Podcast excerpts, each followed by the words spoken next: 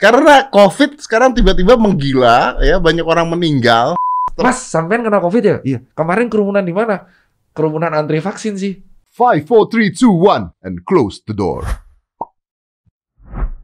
Akhirnya ketemu lagi Dokter Tirta setelah Ah. hilang dari peradaban COVID. ada terus Oh, kok. ada terus ya. Tapi kan lu sibuk bahas politik. Ah! gua menghindar gua kalau bahas lu bahas politik aku udah. Lu kan tiba-tiba bikin ini apa? Edukasi dokter. Loh, ya kan? dari dulu itu. Oh enggak, baru-baru. Eh, dah, dari dulu. Tiba-tiba jadi dokter lagi. Loh, kan ya ngeselin orang semua. Kemarin kan lu jadi ini kan. Terus lu jadi praktisi politik juga, Ran. Enggak dong. Gue lihat sekarang 10 vlog terakhir itu habis politik-politik Ngelawak apa Ngelawak. Oh, bentar lah. Terus politik lagi. Politik lagi. Pinter ya, Iya, Mali. iya Temponya harus- pinter. Harus gitu temponya. Cuman gue tuh sekarang pengen ketemu sama lu.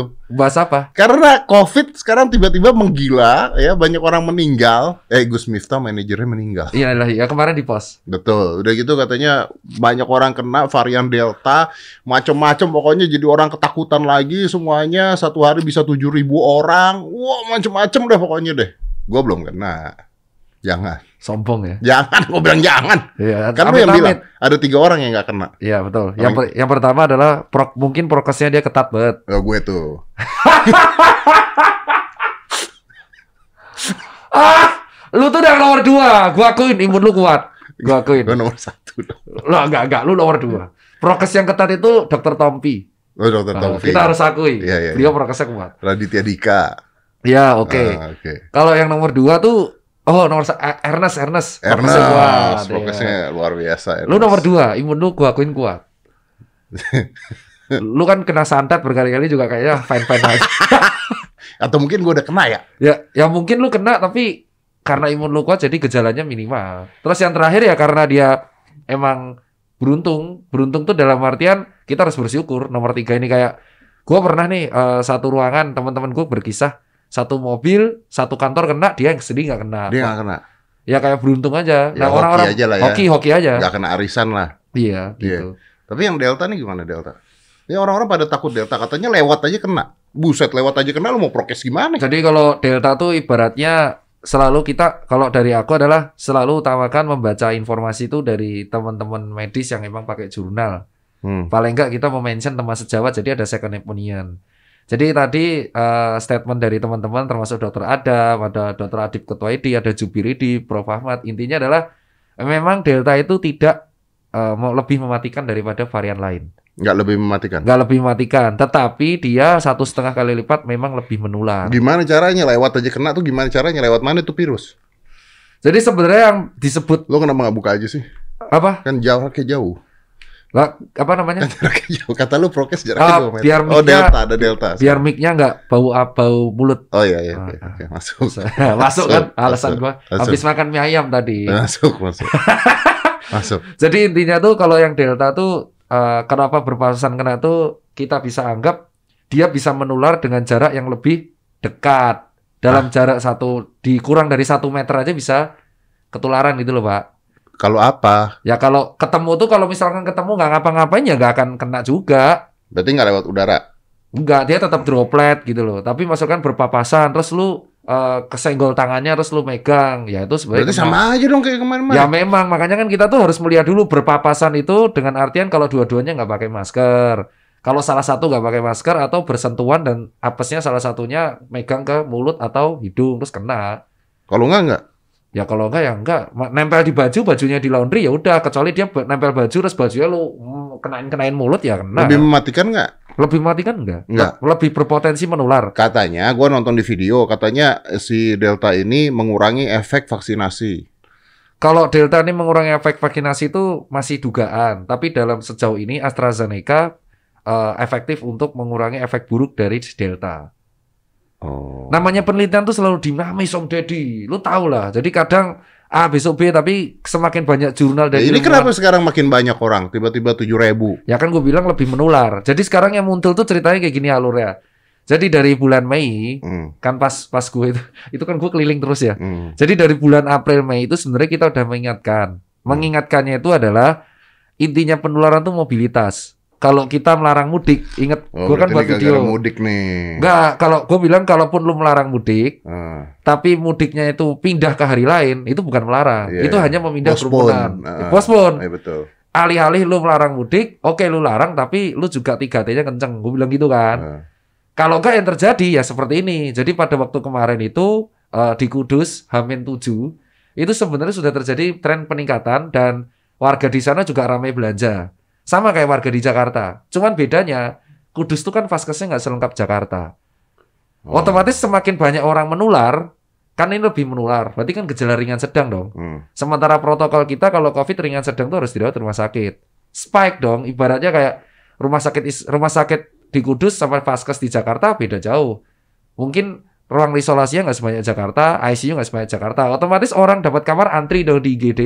Hmm. Otomatis kalau antri di IGD banyak dong yang kena COVID.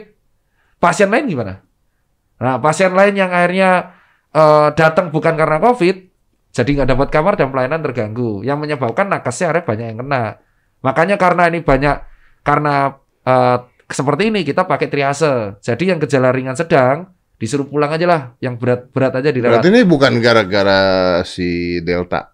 Semua faktor, deltanya menular, terus ditambah mobilitas nggak bisa dicegah, Mobilitas kan dari dulu udah dibuka. Iya, bro. ditambah deltanya, ditambah yang ketiga vaskesnya Indonesia itu nggak seimbang. Ada yang Jakarta lengkap, terus yang di Jadi gara-gara pulang kampung.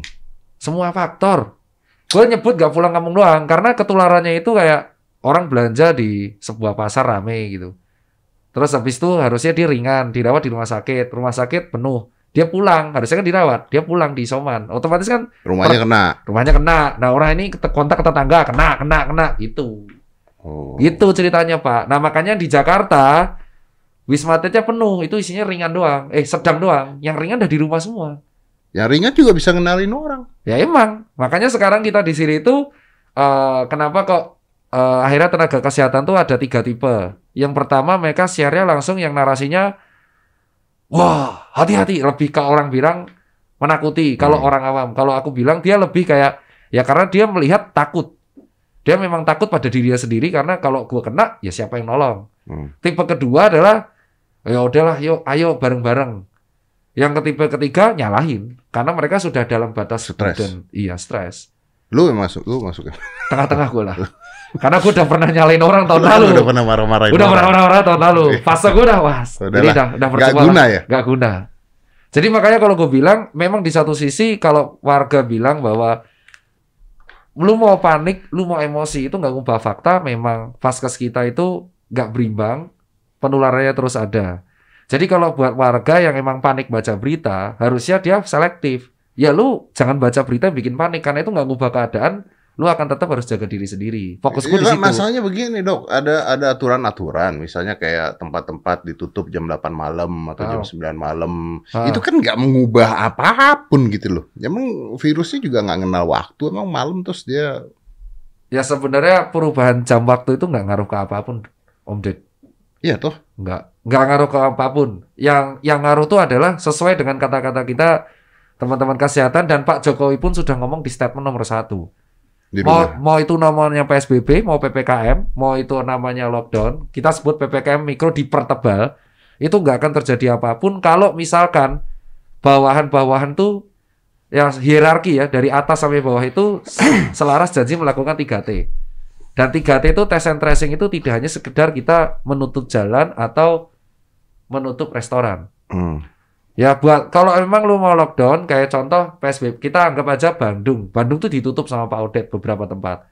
Itu harusnya diperkuat juga dengan 3T. Itu baru selaras. Atau kayak Madura, gubernurnya kan kena nih, Hmm. gubernur Jatim. Itu orang berantakan di rumah sakit Ya, si Tretan baru posting. Terus akhirnya gue repost, Dinkes klarifikasi, ya intinya pada semua ini adalah kalau lu mau ini cepat kelar, tren di Indonesia tuh agak lucu. Jadi eh, ketika ini naik, PSBB, PPKM, ya diimbang itu 3T-nya. Nah Pak Jokowi kemarin statement 3T. Itu udah bagus. Enggak, enggak, enggak, enggak, enggak, that- that's, that's not the point, dok. Maksud poinnya begini, ketika lu lockdown atau lu mau 3T atau lu tutup restoran, tutup apalah semua lu tutup.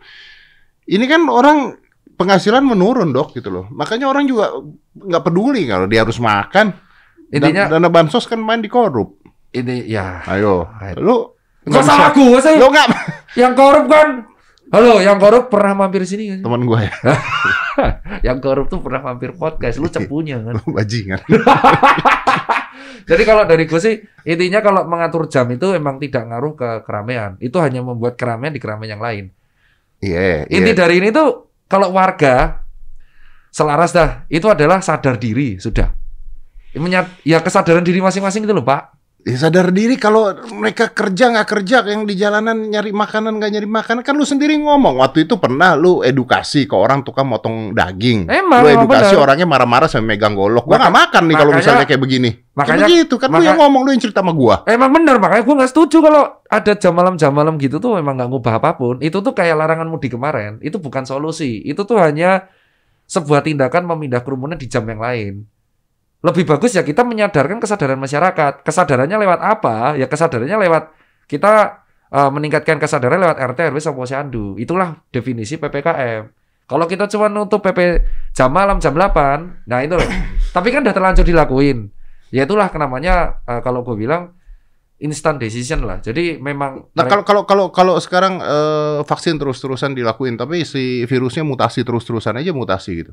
Ya Nah, orang orang tetap akan positif tapi gejalanya nggak berat. Jadi orang rame-rame gejala ringan. Nah, salah satu yang terjadi sekarang di Indonesia itu adalah rame-rame gejala ringan.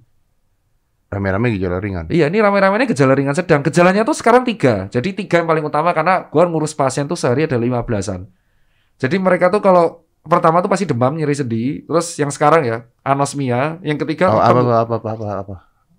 Jadi gejala- gua nggak kenal tuh anosmia lu kenal. Oh ya, ya, ketiga gejala COVID yang terjadi di eh, masyarakat dua bulan terakhir ini, yang pertama tuh demamnya tinggi banget, Oke, ganggu. iya tahu. Yang kedua mereka justru pilek ditambah kehilangan indera penciuman. Oke, jadi itu- kalau dulu kan nggak pilek, Nah, ini pilek. pileknya. Nah, yang pilek jadi anosmia dan rhinorea, kalau orang bilang. Nah, yang ketiga adalah mereka buat tenggorokannya kering banget sama batuk. sakit tenggorokan. Nah, ini tuh ini tuh akhirnya rame-rame. yang meninggal yang meninggal. Yang meninggal ditambah sesak nafas biasanya. Kenapa orang bisa meninggal, yang meninggal, ada yang nggak Nah, meninggal? Jadi kalau kalau COVID kalau bisa meninggal itu rata-rata pasti ada eh, deadlocknya, ada penyebabnya. Satu tidak tertolong. Jadi memang gejalanya tidak diobati, udah ringan-ringan, akhirnya si virus ini mencapai paru dan merusak sistem kerja Kalau paru. telat ngobatin. Ya itu yang pertama pasti pak. Telat pengobatan tuh makanya orang-orang rame-rame ke rumah sakit itu ya tindakannya bagus. Paling enggak mereka tahu swab. Rata-rata tuh silent killer, jadi mereka nggak ngerti sakit. Lama-lama batuknya memberat. Dan yang kedua komorbidnya. Yang paling bahaya apa nih komorbidnya?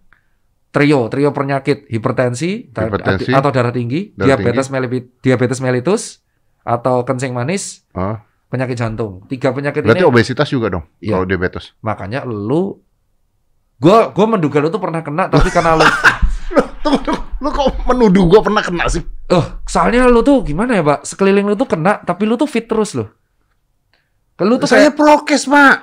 eh Eh, ini pencitraannya luar biasa ya. Lu lu Saya- prokes apa ini po- po- vlog kayak podcast saya nggak pakai. Tapi gini, kan jarak 2 meter. lu lu akuin, lu akuin, lu akuin Oke, aja. oke, gua akuin deh. Lu lu makan bakar-bakaran nggak? Enggak, gua makan sehat, Pak. Iya, lu. Lu masih minum soda nggak? Enggak, Olahraga seminggu berapa kali? tiap hari. Olahraga kardio nggak? Iya, Minum gula banyak? enggak minum gula. Ya udah. Ya, Berarti nolong dong. Itu nolong banget. Makanya gue setuju gym tuh dibuka. Apa gym gua ditutup? Lu brengsek, lu tau gak gym gua ditutup? Lu tau gak? Nggak Tapi tahu. gua tetap ke gym. Karena gym gue. Heeh. Jadi gua buka sendiri dong. Orang kaya emang sultan emang beda. Jadi gua buka, gua Lu buka lu lihat gak? sendiri. Kenapa kok pesepak bola kalau lu lihat mereka itu eh, kena covid, Hah. terus bisa empat hari negatif gitu. Nah, apa? Tunggu, tunggu, tunggu, tunggu. Oke, oke. Apa hubungannya gula sama kena covid nih? Wah bahaya pak. Jadi Oke. intinya kalau kita jelasin secara awam, Ah. penyakit diabetes mellitus sama covid itu kan virus tuh nyerang nyerang tuh punya punya namanya kait. Ah. dia tuh punya kait ibaratnya dia kayak punya kait jadi gini gini gini ini ini gua akuin ya ini virus nih virus Ah. tuh punya kait Ah, dia nyantol. dia. kait ini nyantol nah cantolannya itu Gula. Ternyata mirip sama gula Berarti sama kayak kolesterol dong. tepat Dia, maka dia jadi apa? Jadi inflamasi karena ada gula. tepat nah wah jago lu gua akuin Jago. Lu Oh. Nah, makanya ketika orang kencing manis, gula darahnya tinggi banget, lu cek kan kalau vaksinasi pasti dicek gula darah. Ah. Tujuannya karena itu. Nah, ketika dia gula darah, virusnya bingung dong. Wah, kok gulanya banyak? Akhirnya dia menyebabkan peradangan di paru lebih parah. Lebih parah lagi. Jadinya tenggelam paru-parunya pneumonia. Oh. Makanya rata-rata orang yang wafat karena COVID pasti punya komorbid di antara tiga ini. Kalau nggak diabetes, kencing eh, diabetes atau kencing manis, jantung, darah tinggi. Itulah alasan kenapa gua ngajarin di video edukasi kesehatan simpel. Dan masalahnya adalah banyak orang yang diabetes tipe 2 tidak sadar kalau Tep. dia diabetes Iya itu dan itu dari muda. dari muda. Makanya gua ajarinnya dari muda biar apa? Kalau kalaupun lu sehat, tidak kan ini Covid ada terus 5 10 tahun. Gue kemarin dah sekarang tipe komunikasinya nggak kayak dulu, gas Nah. Kemarin gua beli buku Iya, yang lu sekarang lebih ini loh, lebih cooling down kan. cooling down. Nggak asik ah. So, ah, sekarang ya kan yang ngegas udah diambil jaring. Ntar aja kita bahas ya. Jadi yang berikutnya kan itu ada buku namanya Flu Influenza Ah. yang ser- 100 tahun influenza. Influenza itu ada di muka bumi ini udah satu abad. Ya kan nggak hilang. Hmm. Cuman kitanya yang antibody lebih kuat. Covid itu akan kayak gitu, sahabat. Mungkin satu abad lagi kita sekarang ke warung akan beli Mixagrip yang buat Covid bisa jadi. Hmm. Atau Panadol But atau paracetamol. Lama. Nah, makanya gue edukasinya adalah COVID itu kan ada. Lu mau panik baca judul nggak ngaruh. Obat COVID itu belum belum sepenuhnya ada. Vaksin kita juga masih 4%. Paling nggak kita ngubah gaya hidup. Itu yang paling bisa kita lakuin pertama. Hmm. Loh, Tirta tuh 17 bulan nggak kena COVID loh. Nah, kan? Lu bronkitis, iya COVID kagak. Iya. Karena padahal gue cuma vaksin doang di Sinovac. Kenapa? Satu, gue udah menghindari makan makanan yang emang fast food. Sama kayak lu. Iya, Olahraganya paling nggak jalan seminggu sekali. Iya, iya. Gula-gula udah enggak. Enggak, gue normal semua dan gue emang kerja di lapangan lebih berat. Nah, hal itulah yang mengakibatkan mungkin gue nomor dua. Iya, iya. Ditambah gue kan lebih prokes. prokesnya nggak seketat dokter Tompi gue akui. Iya, iya, iya. Dokter Tompi kan ya udah dosen gitu loh. Jadi pasti contohkan nih kalau Makanya gua- orang gila nggak kena COVID ya. banyak ada salah. Ada ya? Orang gila tuh ada yang kena COVID, mereka nggak akan rat- bergejala rata-rata tapi pasien yang emang tahu pasien di rumah sakit Oh. ataupun keluarga Tapi cepat sembuh katanya. iya ya karena mereka nggak ja- kata Jaga jarak.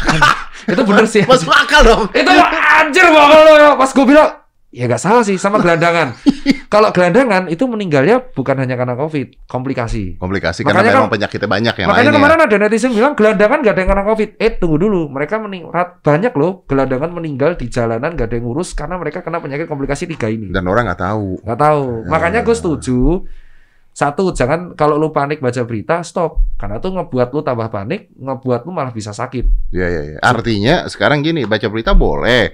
Tapi sekarang ya jaga prokes semua boleh. Tapi sekarang balik lagi tubuh lu juga gimana gitu Iya, lu kan. jaga prokes tapi lu pola makan tetap wah Oh. sehari 8 kali. Oh, oh, betul. Tetap aja bisa kena. Makanya Betul. kalau gue Betul, lihat betul. terus sama ini eh nah itu atlet yang kemarin Ah, ada Eh, yang ada yang meninggal contohnya gitu. gagal jantung atau apa? Ya, atlet itu kerja jantungnya lebih berat dari orang normal. Ya.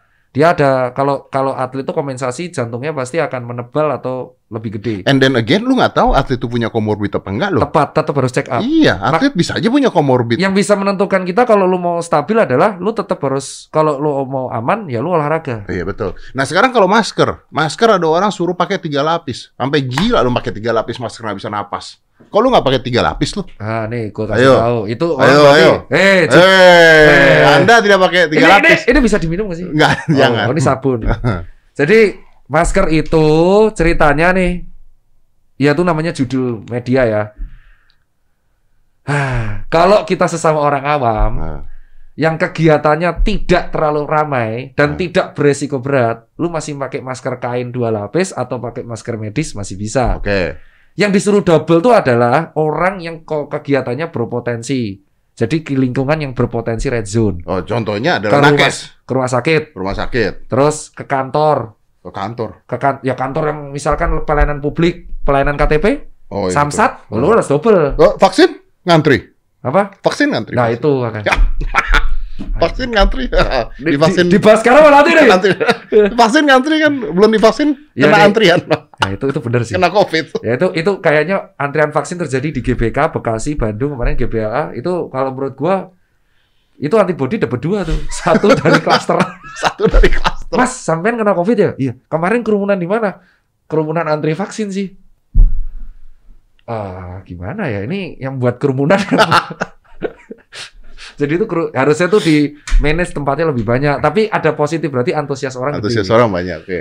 Jadi kalau lu ber- tidak beresiko, masa sih dok harus pakai? Makanya dilihat. Jadi ada namanya gambar 4. Kalau lu pakai masker doang, kemungkinan droplet tembus tuh 55 sampai 65 persen. Hmm. Jadi kemungkinan besar ini akan efektif kalau lu kegiatannya tidak di red zone. Contoh ya BFA, kantor ya 10 orang, Hmm. ke warung makan kayak. Kalau red zone. Nah, kalau misalkan lu ke tempat yang udah jelas, wah ini berpotensi ketularan. Oh. Pelayanan publik, Samsat, Iya, KRL, atau ke tempat-tempat N95. kesehatan. Lu harus pakai masker medis, dobelin sama kain. Yang N95 tuh. Kalau N95 itu tenaga medis. Oh, tapi kalau punya boleh dong. Kalau punya nggak apa-apa. Lah kalau masker dak dak dakbil yang KF94 atau apa yang bentuknya 3D itu bisa dipakai, tapi kegiatannya memang 70 persenan, tapi kegiatan yang memang tidak di rumah sakit. Hmm. Jadi disarankan kalau lu emang sering bolak-balik ke tempat yang sangat-sangat beresiko, lu double. Tapi kalau enggak, ya enggak.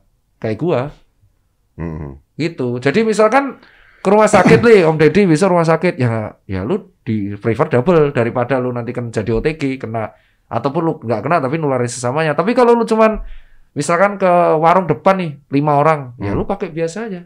Ya, ya, karena ya, ya efektif gitu ya. Efektif. Tapi judul yang dikeluar, ya menganjurkan masker double dua itu itu Tiga sekarang. bro. trigger itu trigger. Tiga gila, masker tiga popet gitu kan. Tri- trigger itu, hari. trigger Om itu. Jadi Sesek napas. trigger sih, trigger. Bahas bahas apa lagi nih? Bahas sabun. Wis, sabun. Body contact. Ya. Ya, lu Ini cowok harus pakai ini, bener dong. Ini kan produk lu, lu promo dong. ya ini jadi kok produk gua kebalik Produk nih, lu dong. Eh, produk Produk lu. lu dong. Eh, kan. Ya kan? Jadi ini Alparus. Ya kan? Alparus ini adalah Cowok tuh butuh yang simpel. Intinya gini lah, cowok tuh butuh sabun yang emang selama ini kan kita kayak sabun mandi buat kepala juga, Ah. buat muka. Ah. Dan kita uh, harus pakai sabun khusus cowok. Nah, Betul. kebetulan Om Ded ini sama timnya membuat mereknya Alparus. Betul, body contact. Gua beli ini bukan karena respect sama Om Deddy. Nama alfanya ini karena mirip nama anak gua. Oh iya betul betul. Eh, pinter dia, jadi, ya. Jadi Ini ini nu, ini numpang promo ya. Jadi saya di sini di podcast nggak dibayar suruh promo ini. Oh enggak kok enggak. tapi kan anda pakai, nanti saya kasih kan. Oh enggak, saya pak- pakai. Aku pakai. eh, aku memang Lu kan udah punya harusnya. Lu belum ngirim gua loh, bos. Gua ki- minta lo ke altanya. Eh ini sudah jadi belum? Udah. Lu bilang masih sampel. Iya, tapi sekarang udah. Lah ya ini baru Ya, satu. ini baru gua kasih makanya. Tapi emang ini Ya kan? Jadi harusnya gini, gua sama Om Ded tuh harusnya launching acara ini di Jadi ini kita kasih tahu ya, walaupun Om Ded ini pencitraannya rebel nih. Ini harusnya acara launchingnya Alparus tuh ada sabun mandi, ada perawatan, Nah, ada betul. sabun muka. Itu launchingnya harusnya di akhir Juni. Kita tunda. Izinnya udah dapat, jujur. Izinnya udah dapat dari Dispar, dari Satgas Covid, dari polisi. Cuman karena Pak Kapolda bilang suruh mundur, Kita ikutin. Om Deddy bilang udah mundurin aja. Mundur, ikut prokes. Gua Ah, wow, rugi loh dia. Rugi. Salut, gila. salut, salut. Tapi ya demi prokes, demi Indonesia lebih baik lagi. 5 4 3 2 1 and close the door.